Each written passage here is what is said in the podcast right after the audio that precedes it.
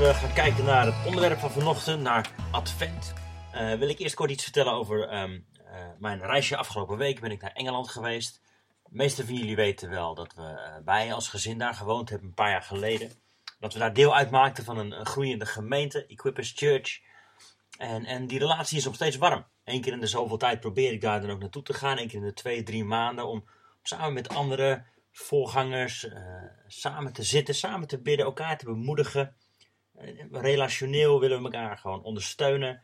leren van elkaar. En zo was ik ook afgelopen week, van maandag op dinsdag, was ik daar voor een korte meeting. En het was heerlijk gewoon om elkaar even te zien weer. Het zijn ondertussen wat vrienden geworden natuurlijk. En, en, samen willen we verder komen in God. En ook als, met onze gemeentes willen we verder komen in God. En um, nou goed, afgelopen week uh, deden we zo'n kort rondje. En even zeggen, hey, hoe zit je erbij? Hoe gaat het met je? Vertel eens wat uit je gemeente. Wat hebben jullie meegemaakt? En ik vertelde daar over, uh, over vorige week eigenlijk de getuigenis die Jaap en Bini hier gaven. Over de zwangerschap die uh, Bini vertelde dat begon met een buitenbaarmoederlijke zwangerschap. waar het, het de kindje niet goed gepositioneerd was. En waar de pijn was, letterlijk en figuurlijk. Letterlijk natuurlijk buikpijn. En, en dat is niet goed, zelfs gevaarlijk kan het zijn. En ze vertelden dat wij als gemeente daar ook hebben omheen hebben gestaan. We hebben zondagavond daarvoor gebeden met elkaar. En de week daarna kwamen ze weer in het ziekenhuis. En toen liet de scan iets heel anders zien. Namelijk dat het babytje niet buiten, maar binnen de baarmoeder zat. Nou, een waanzinnig wonder. Heel gaaf om dat, uh, om dat van hun te horen en om dat met hun mee te kunnen vieren. Dat, dat God wonderen doet en dat hun babytje goed gepositioneerd is. En dat hij uh, goed gaat groeien. Dus nou ik was daar vol van. Ik vertelde daarover tijdens die bijeenkomst. En daarnaast vertelde ik dat we als kerk bezig zijn om te kijken naar hoe kunnen we gezond groeien? Hoe kunnen we uh, een goede, nou ja, noem het even, structuur vinden. Uh, qua, qua leiderschap, qua teams. Waarmee je gewoon gezond en veilig verder kunt komen. Nou goed, we hebben pas erover gehad met, uh, met een, tijdens onze teamavond waarin we dat hebben onderzocht en waarmee we verder gaan. Dus ik was erover aan het vertellen en, en een van die gasten daar in Engeland die zei, hey, als ik je zo hoor dan moet ik aan één woord denken. In het Engels is dat repositioning, het herpositioneren. En dat klikte bij mij. Ik herkende dat en ik zie dat ook gebeuren inderdaad in de gemeente. Maar hij zei, zowel in de natuurlijke, die baby die van buiten naar binnen wordt geherpositioneerd, als, als in je kerk zelf, als waar, waarin mensen juist de plek gaan innemen. Waarin je gaat kijken naar wie komt op welke positie. Wat is een gezonde manier om verder te kunnen groeien. En dat is de tijd waarin we als gemeente misschien nu ook wel zitten. Waarin we samen kijken, hey, uh, hoe, hoe kun jij je herpositioneren? Zodat je gezond kunt gaan groeien. Zodat je op de juiste plek zit waar je een goede voedingsbodem hebt. Waarop je kunt gaan groeien. Waarop je kunt gaan meebouwen. Waarop je gevormd kunt gaan worden herpositioneren. En ik geloof dat het een woord is voor heel veel mensen die hier nu zijn. Hoe kun jij je herpositioneren? Heeft dat, heeft dat te maken met je werk? Zegt God, het is tijd voor een nieuwe stap. Heeft het te maken met relaties? Sommigen van ons zal gelden dat we moeten zeggen, we zetten een punt achter deze ongezonde relatie. Misschien met vrienden die een negatieve invloed op je hebben. Dat je zegt, weet je wat, ik neem een klein beetje afstand, want ik merk dat ik negatief beïnvloed word herpositioneer jezelf zodat je een gezonde omgeving hebt. Maar voor anderen van ons is dat misschien, moet je juist durven te stappen in een relatie. Moet je weer gaan vertrouwen. Moet je het verleden achter je laten en zeggen, weet je wat, ik ga een nieuwe stap zetten. Ik ga weer durven. Samen met God ga ik weer durven. Dus, herpositioneren. Misschien is dat een woord wat voor jou is op dit moment. Dat je een nieuwe plek mag gaan innemen. Misschien hier in de gemeente, misschien heel praktisch in je gezin, in je werk. En heel misschien betekent dat wel voor jou dat je op dezelfde plek moet blijven, maar met een ander hart. Dat kan natuurlijk ook, hè? Dat God tegen je zegt: Ik wil dat je hier gaat blijven, maar dat je nu een ander hart hebt. Dat je gaat verblijden, dat je een andere invloed gaat hebben op de mensen om je heen. Misschien heb je al een poos gebouwd van de plek waarop je zit, maar heeft God je hier wel geplaatst. En mag je op dezelfde plek blijven met een ander hart. Ook dat is voor jou dan herpositioneren. Een nieuwe plek innemen met een ander hart. Zodat je kunt gaan groeien, zodat je gezond kunt gaan worden, zodat je invloed kunt gaan uitoefenen. Anyway, dat was eventjes een korte inleiding op uh, eigenlijk waar ik het vanochtend over wil hebben, want het is advent. We hoorden al eventjes de kinderen die een toneelstukje deden. En daarin zeiden ze een paar keer: God doet wat hij belooft.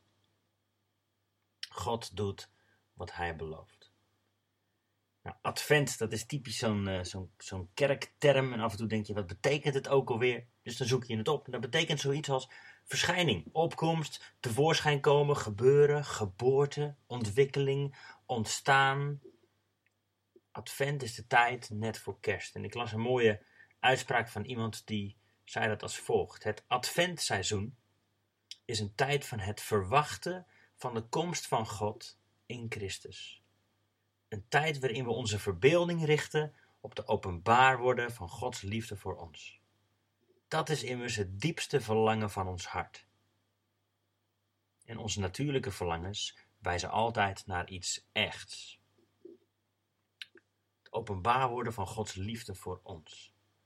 Daar richten we ons op. En dat verlangen wat we allemaal hebben, hij zegt, onze natuurlijke verlangens wijzen naar iets echts. Denk er maar eens over na. We hebben honger omdat er zoiets bestaat als voedsel. We hebben dorst omdat er zoiets bestaat als drinken. We hebben een seksdrive als mensen omdat er zoiets bestaat als seks. En we hebben ook, zegt hij, die honger en het verlangen naar het geliefd worden door God, omdat er zoiets bestaat als de realiteit van het geliefd worden door God. Ons natuurlijke verlangen wijst naar iets wat echt is. En die liefde van God is echt. In en door Jezus zien we wie God is en hoe groot zijn liefde is. God doet wat hij belooft. Daar gaan we de komende paar weken over hebben. En vandaag willen we met name kijken naar alle profetieën alle beloftes van God, die gaan over de Messias, die gaan over de geboorte en het leven van Jezus. Het hele Oude Testament staat er vol van. Alle profetieën en beloften. En de vraag is eigenlijk, waarom? Waarom al die beloftes in het Oude Testament, die vooruitwijzen naar iets wat pas een paar eeuwen later zou gaan gebeuren? Misschien wil je met me meelezen in Lucas hoofdstuk 24, vanaf, vanaf vers 44. Dan lezen we het volgende. En hij, Jezus, zei tegen hen, tegen zijn discipelen, even meteen een korte terugblik geven. Dit is Jezus die is opgestaan uit de dood. Dit is Jezus die heeft geleden aan het kruis, die is gestorven, die is begraven en die drie dagen later is opgestaan uit de dood. Die is verschenen eerst aan vrouwen, Later aan wat, wat mensen die onderweg waren, weg uit Jeruzalem, gingen ze naar terug naar Emmaus.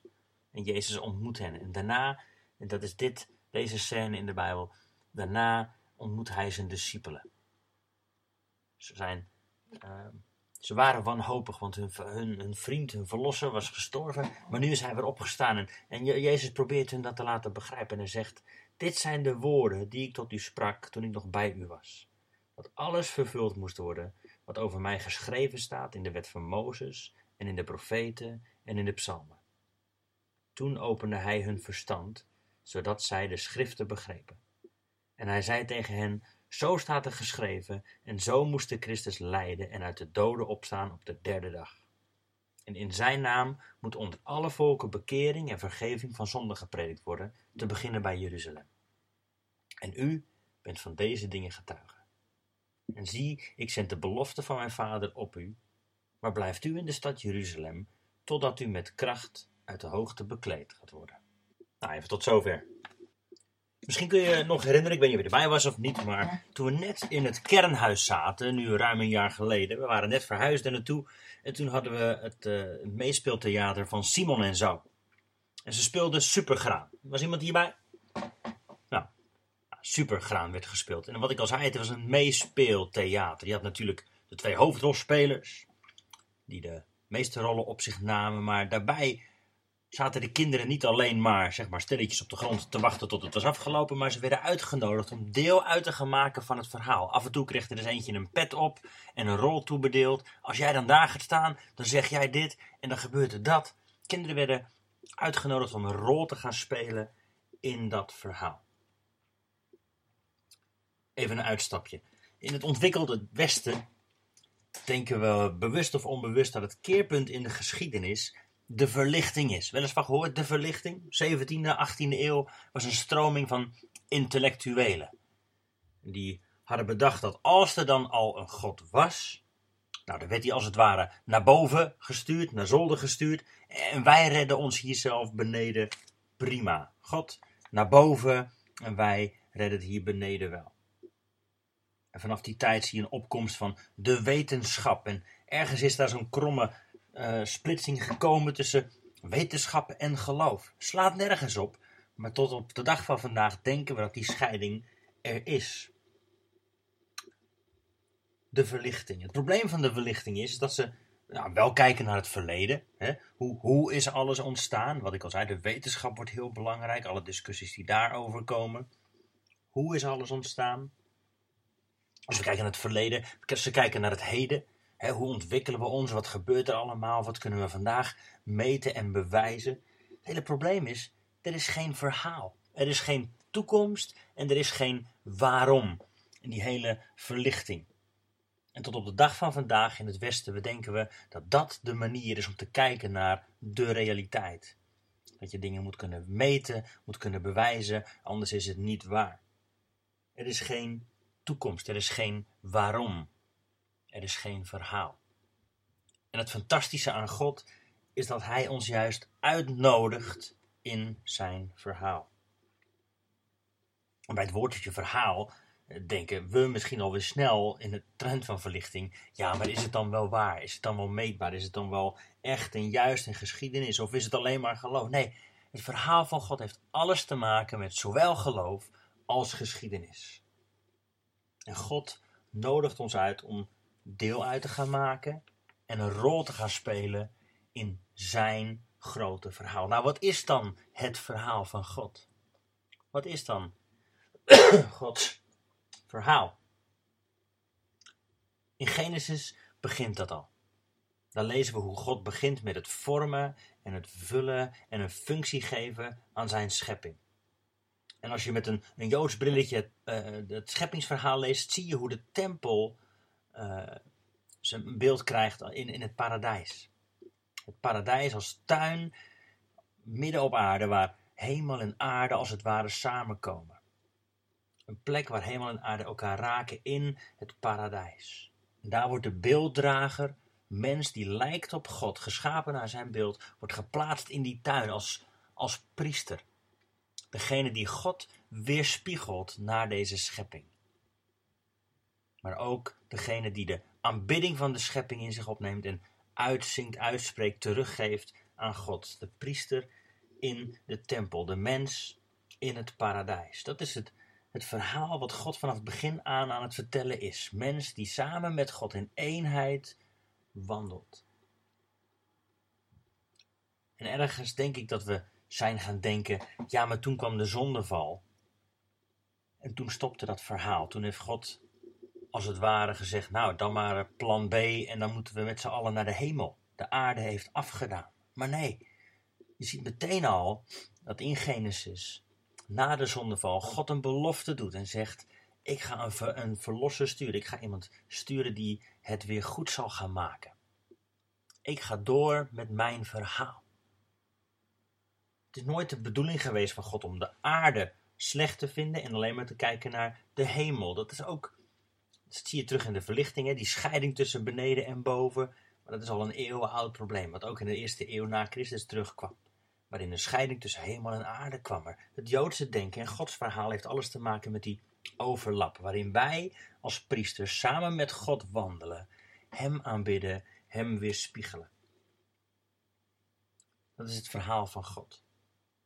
Dat is wat Hij ook nu nog steeds aan het doen is. En dat is wat je over en over weer ziet in het Oude Testament. De belofte van de Messias heeft daarmee te maken. Dat God zegt, ik ga het weer goed maken, ik ga het in orde maken.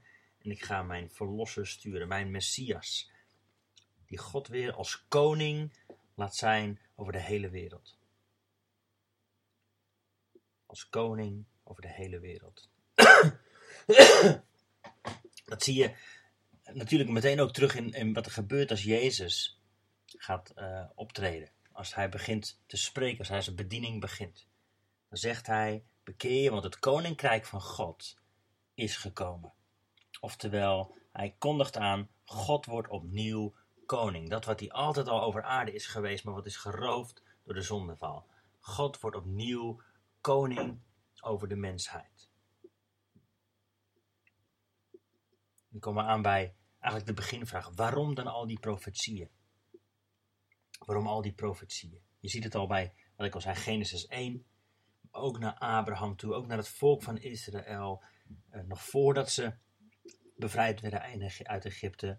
Tijdens die bevrijding werd er vooruit gekeken naar de grote, de echte verlossing. Als ze in hun eigen land zijn, wordt er gesproken over de toekomstige koning. Als ze uit hun land worden uitge, uh, uitgeleid en in, uh, ballingschap worden genomen, dan is er ook weer woorden van bemoediging, woorden van profetie over de verlosser die zal komen, over God die weer koning zal zijn. Waarom al die profetieën? In het midden van alle verkeerde keuzes van zijn volk roept God: Ik ben jullie niet vergeten. Ik ga verlossing brengen. Het is niet jullie goede gedrag, het is niet jullie trouw, het is niet jullie werken, niet jullie verdiensten, zegt God. Het is mijn genade, waardoor ik het weer in orde ga maken. En genade, weten we, is zoveel meer dan onverdiend in de hemel komen of alleen je zonden zijn vergeven. Natuurlijk is het allemaal waar, maar genade is zoveel meer dan dat. En wat doen dan Gods beloftes?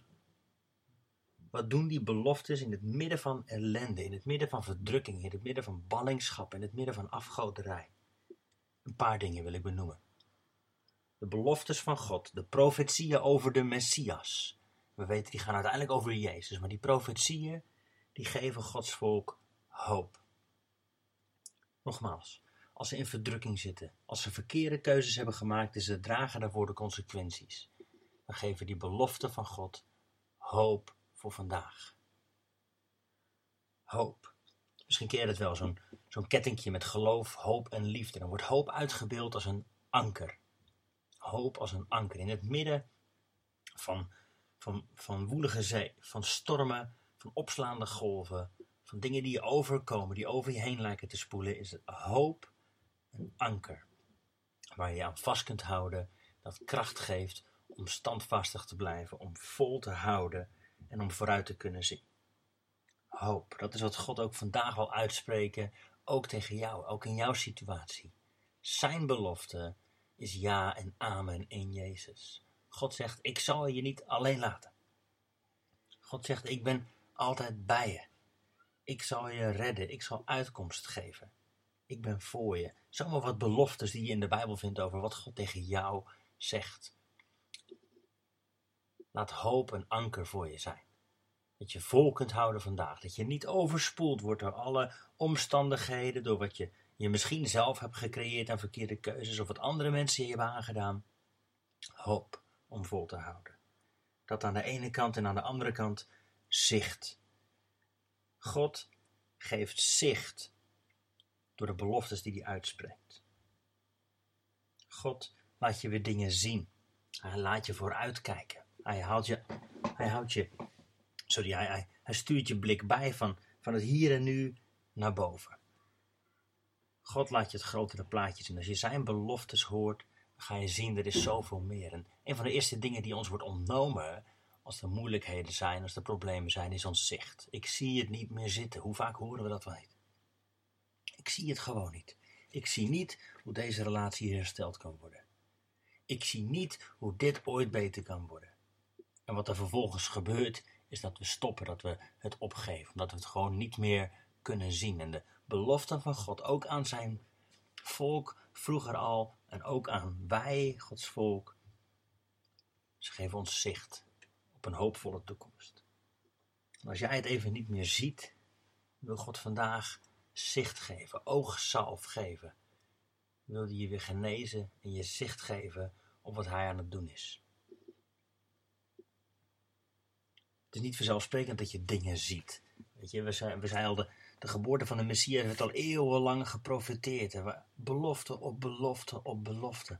Maar de enige die zagen dat de Messias geboren was, waren een stelletje buitenlanders, hè, de wijzen. Het waren een paar oudere mensen, Simeon en Hanna.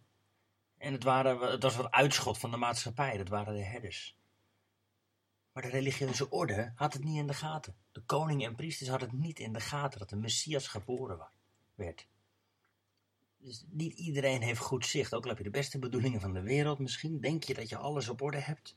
Niet iedereen heeft zomaar goed zicht op dat wat God aan het doen is. En dat bid ik jou toe. Dat hoop ik voor jou. Dat je goed zicht hebt op wat God aan het doen is. Dat je niet blind staart op je eigen gedrag. Dat je niet blind staart op alle zichtbare dingen. Maar dat je zicht hebt, ook in de onzichtbare wereld. Over wat God aan het doen is. En dat je je daaraan mag vasthouden.